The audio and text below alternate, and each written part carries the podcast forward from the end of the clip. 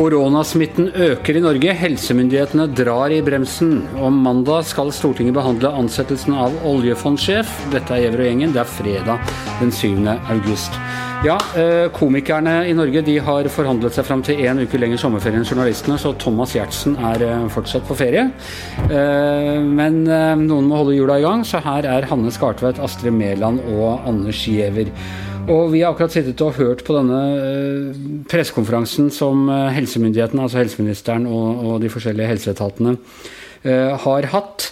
Og dette er en ganske tydelig advarsel om at nå er det viktig å dra i bremsen igjen, Astrid? Ja, jeg får jo litt uh, følelsen av mars her. Um, og de, de, dystre ukene der alt ble stengt ned. Det er selvfølgelig ikke i nærheten av å være så ille foreløpig. Altså, da var det jo lov til å møtes maks fem stykker etter hvert. og alle restauranter og sånn ble stengt, eller i hvert fall alkoholservering. Men nå stenger de altså alkoholserveringa etter midnatt i hele Norge. Ja. Og de fraråder eh, forlystelsesreiser. Det er vel ferie, det, da. Altså ikke-nødvendige reiser til utlandet, det frarådes. Um, men fortsatt litt nølende når det gjelder munnbind. De skal vurdere å komme med en anbefaling i midten av august på kollektivtransporten. Og så sier de at alle som kommer fra røde land, de må ha munnbind på. Og det var nesten sånn Hæ, har de ikke det allerede?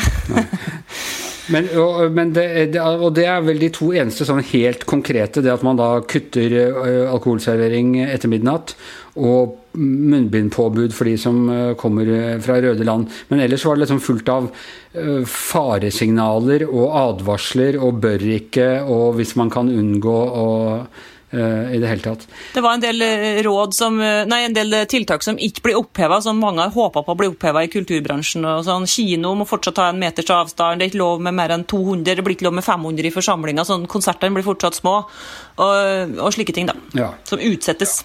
Og, uh, Hanne, betyr dette at uh, denne sommeren uh, At man lette, det, de lettelsene i restriksjonene før denne sommeren har vært feilslått helsepolitikk? Nei, det tror jeg ikke. For det er klart det var jo veldig lave smittetall. Men man må jo justere kartet etter terrenget. Og jeg tror vi heller kan tenke på den sommeren som et slags friminutt at nå er vi tilbake til eh, pandemien sånn som den antagelig kommer til å være i lang tid framover. Et friminutt hvor vi fikk lov til å smitte hverandre litt, men nå må vi slutte før uttaket. Ja, nå er det jo Veldig mye av smitten har jo vært enten eh, som vi så på Hurtigruta med arbeidere som har kommet inn uten å gå i karantene på skipet, folk som har vært ute og reist. Sånn at eh, de fleste nordmenn tror jeg har oppført seg veldig ordentlig gjennom denne sommeren. Ja. Hva, hvordan ser du på det, Astrid? Det, har det vært mislykket, eller er det bare at man nå gjør en nødvendig innstramning etter et friminutt, som Hanne, Hanne kaller det? Ja, nei, Det er vel et ganske sterkt symbolsk Nå kommer alle politikerne tilbake på ferie, fra ferie. Erna var på første jord etter ferien var å komme rett i, i alle studio eller i alle aviser og advare. Og Det er viktig symbolsk. da, og Vi har slekka litt. ikke sant? Du ser jo en del av de her utbruddene. De kommer av regelrette eh, ja, regelbrudd, altså. Folk har vært for mange på fest. Det er ikke lov med mer enn 20 på private fester. Og på, på sånne mer offentlige arrangement så er det ikke lov med så mange som det har vært bl.a. nede i Østfold, eller Viken heter det vel nå, på, på bryllupsfester og sånn. Så når folk bryter reglene, så det, kreves det et kraftig signal, da, vet du. Så nå um, kommer alle talerskriverne tilbake og um, advarer, og det er liksom um, skal lage litt dyster stemning da. Utover dette mm, bryllupet i Moss, så har vi inntrykk av at det har skjedd veldig mye på Oslo vest, dette her, og hjemme hos en smittevernlege. Når barna sine smittevernlege og sånne ting. Følger det et stigma med Oslo vest i denne sammenhengen? Spør deg, Hanne som bor på Oslo øst.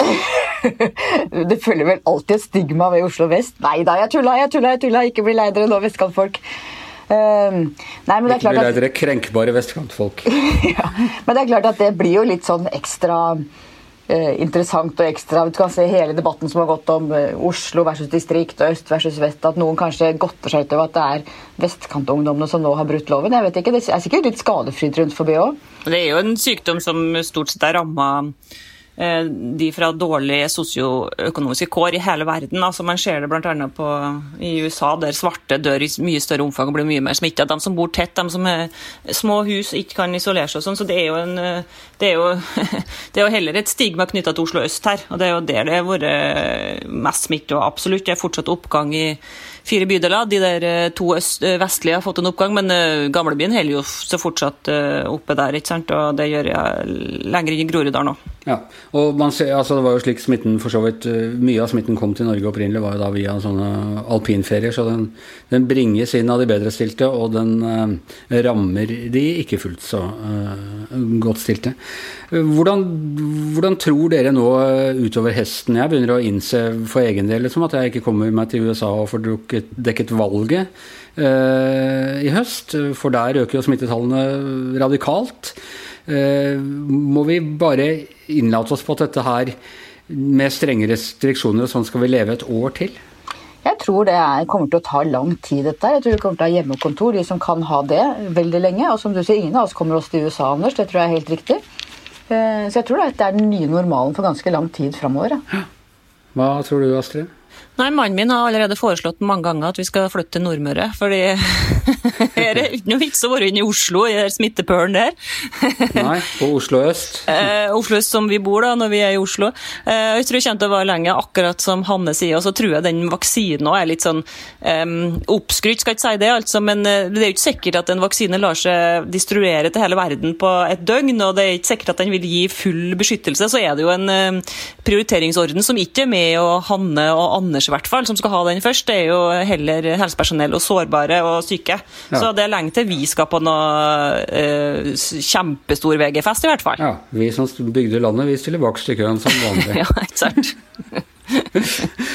Ellers så hørte jeg at Trump i går sa at uh, han ville ha en vaksine klar antagelig den 3. november, som tilfeldigvis, og det mente han var helt tilfeldig, er selve valgdagen. Så uh, vi får se hvordan det går. Det jobbes jo på høytrykk. Men uansett om man skulle få klar en vaksine, man har ikke, klarer ikke å teste ferdig den, eller sånn at den er eh, allment tilgjengelig før til neste år, tror du det?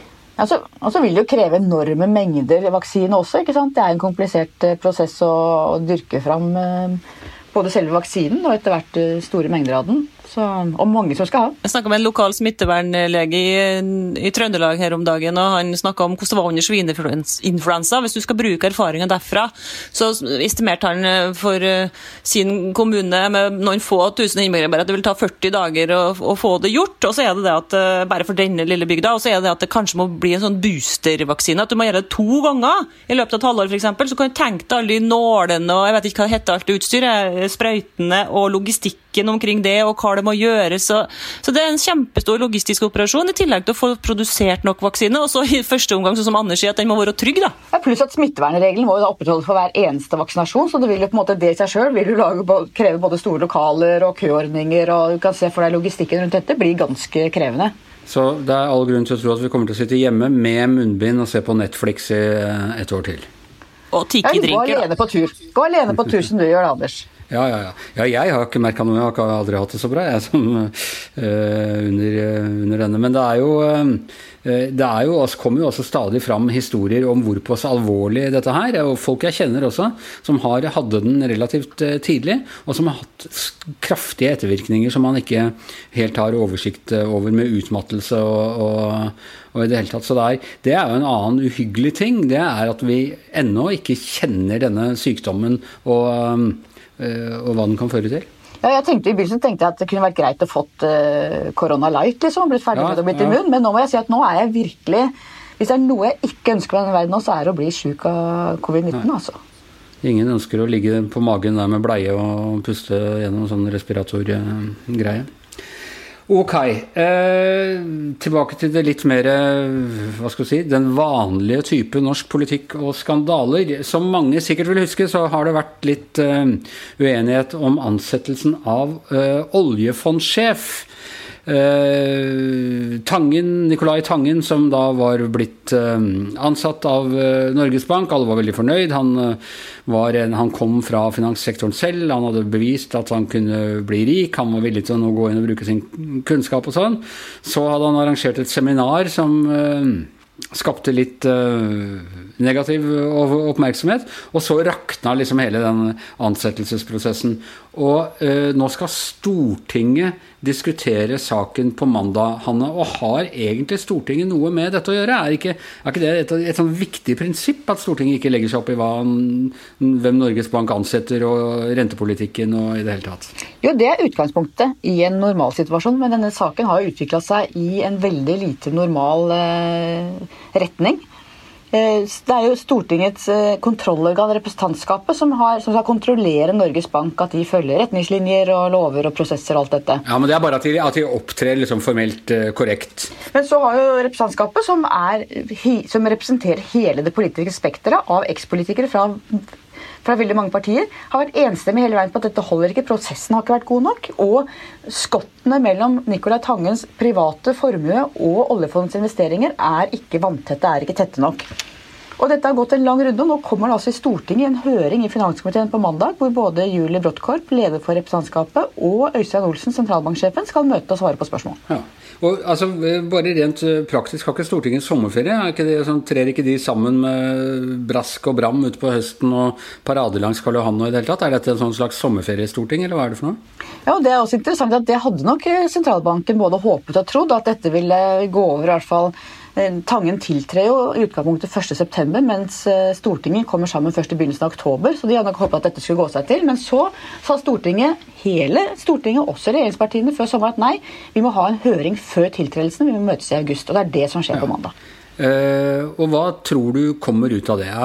Tangen, mister han jobben, eller uh, hva skjer? Mest sannsynlig ikke, men det er utrolig interessant. fordi at eh, Julie Bråttkorp er jo en skarp dame. Hun har hele tiden vært veldig godt opplest. Hun kommer til å svare på spørsmål klart og konsist. Mens Øystein Olsen jo har opptrådt veldig fomlete i møte med offentligheten hele veien. Altså Øystein Olsen som da er eh, direktør i Norges Bank, og, og Bråttkorp som leder dette representantskapet. Ja, Så han har fomla og svart veldig dårlig eh, i alle offentlige sammenhenger i disse spørsmålene, og har en dårlig sak. Han har f.eks. ikke intervjuet alle kandidatene til jobben, har ikke hatt oversikt over de interne kandidatene i oljefondet. Har tydeligvis blitt veldig bergtatt av Tangen fra første stund og bare gått for det uten å ha gjort det nødvendige forarbeidet når det gjelder både forankring i Finansdepartementet, når det gjelder å finne ut hvordan de skal løse dette med at Tangen er en milliardær som eier et svært hedgefond i London. Er det forenlig med den jobben eller ikke? Det har Olsen i hvert fall ikke klart å overbevise om at de har gjort en grundig forarbeid rundt det før de ansatte ham. Men som vi har snakket om mange ganger, han, altså, Tangen er ansatt på helt uh, lovlig vis. Han har ikke gjort noe gærent, så vidt jeg har uh, fått med seg. De innvendingene er ja, det er gode innvendinger, det, men de burde jo kommet før han ble ansatt. Han ville vel ha en relativt god sånn sak om de begynte å sparke ham eh, etter at arbeidskontrakt er inngått. Mens Olsen derimot, han kan jo avsettes av eh, representantskapet eller styret eller, eh, eller hvem eh, Ja, Finansdepartementet. Men det skal også ja. veldig mye til. Det er helt riktig som du sier. Nicolai Tangen har søkt på en jobb, laget alle kort på bordet, sagt at dette er forutsetningen for at jeg skal ha den jobben, er at jeg skal beholde fondet mitt. Og Norges Bank har sagt ja. Han har blitt ansatt, han har ikke gjort noe gærent. Han har en juridisk bindende ansettelseskontrakt sånn som det er nå er det sånn Finansforbundet, vår gamle venn eh, Tom Staavi, kanskje han må ta føre saken for Tangen hvis han ikke får jobben? Ja, for det, jo, det står jo til og med i papirene at det er arbeidsmiljøloven gjelder for Nicolai Tangen ja. også. Mens eh, når det gjelder sentralbanksjekkbestilling, så vedtok jo Stortinget som jo også har eh, representantskapet som sitt kontrollorgan, de vedtok en lov i 2019, ny sentralbanklov, som sier at Norges Bank er veldig, veldig, veldig uavhengig. Så det skal innmari mye til også for at Finansdepartementet kan avsette sentralbanksjefen. Han er nesten uavsettelig, men ikke helt. Så egentlig kunne vi bare latt hele den saken være til fred og, spart alt bråket. Hva eh, hva tror du, Astrid? Må noen av dem gå? Hvem, og i hvilken rekkefølge? Jeg har en magefølelse på at uh, Nicolai Tangen får den jobben, at han begynner som oljefondsjef i høst. Men uh, i og med at han ikke har fått korona, så er det veldig lite jeg veit om den saken eh, per nå, da. ja, for det er bare det som går inn i koronaboblen som du egentlig Det stemmer. Ja, leser deg opp på. Dette er vel en åremålsstilling, uh, Hanne? Ja, man kan få to årmål på det, sånn at han blir sittende fem eller ti år. Ja. Og da er jeg fortsatt en ung mann, og noen snakket om at vil han da ha med seg masse insiderkunnskap fra oljefondet og på en måte bygge seg enda større opp, eller få et stort kontaktnett. Han elsker mennesker. Hva er motivasjonen hans? Det har vært mange spekulasjoner rundt det. Men jeg tror at han er en skikkelig fyr. Det er ingen som egentlig tror at han vil misbruke informasjon for å bli enda rikere. Da har han blitt sittende i London for å spare penger. Men kjernen i dette er om Ja, men hva er misbruk? Det er klart at altså, Som leder for et av de aller største investeringsfondene i verden, er det største, eller et av de aller største, så får du jo informasjon som kan være nyttig hvis du skal tilbake og pleie ditt eget fond etterpå. Du kan jo kalle det misbruk eller velbruk eller, eller hva. Landbruk, for den saks skyld. Men det er, eh, det er jo ikke til å nekte for at det er en eh, utrolig tilførsel av kunnskap og informasjon. Nettopp, og Det er derfor man snakker om at det er en interessekonflikt mellom eh, jobben som oljefondsjef og det å eie et slikt fond. Og uavhengig av om man tror at Tangen vil misbruke eller vil, ikke vil misbruke den informasjonen, så er det det at den interessekonflikten ligger der, som er kjernen i denne saken. Er det vanntette skott, eller er det ikke? Jonas Gahr Støre har sagt at Ap-lederen har sagt at eh, interessekonfliktene må elimineres, mens Norges Bank så langt har snakket om at de må reduseres. Her ligger kjernen. Ok, eh, det blir spennende. Du skriver om dette til i morgen, men du er ikke helt ferdig, tror jeg? Nei, har, Den er dobbelt så lang som den skal være, og jeg strever med hvordan jeg skal vinkle det. Er, det er så mange momenter at hodet mitt går litt i kryss. Er, jeg kommer til å lande til slutt, men det er krevende. Og ingen skal påstå at du ikke har satt deg inn i saken, så la meg bare få anbefale, hvis du vil vite noe som helst informert om denne saken her, så må du lese Hanne Skartveits kommentar i VG i morgen. Og med det så er eh, og gjengen slutt for denne uka. Det har vært en litt halvferieuke, mange på ferie og sånn. Nå kommer resten av eh, gjengmedlemmene hjem, forhåpentligvis med munnbind og, og smittevernboka i eh, god behold på mandag. Eh, I hvert sitt hjemmestudio denne gang. Hanne Skartvedt, Astrid Mæland, jeg heter Anders Skjever.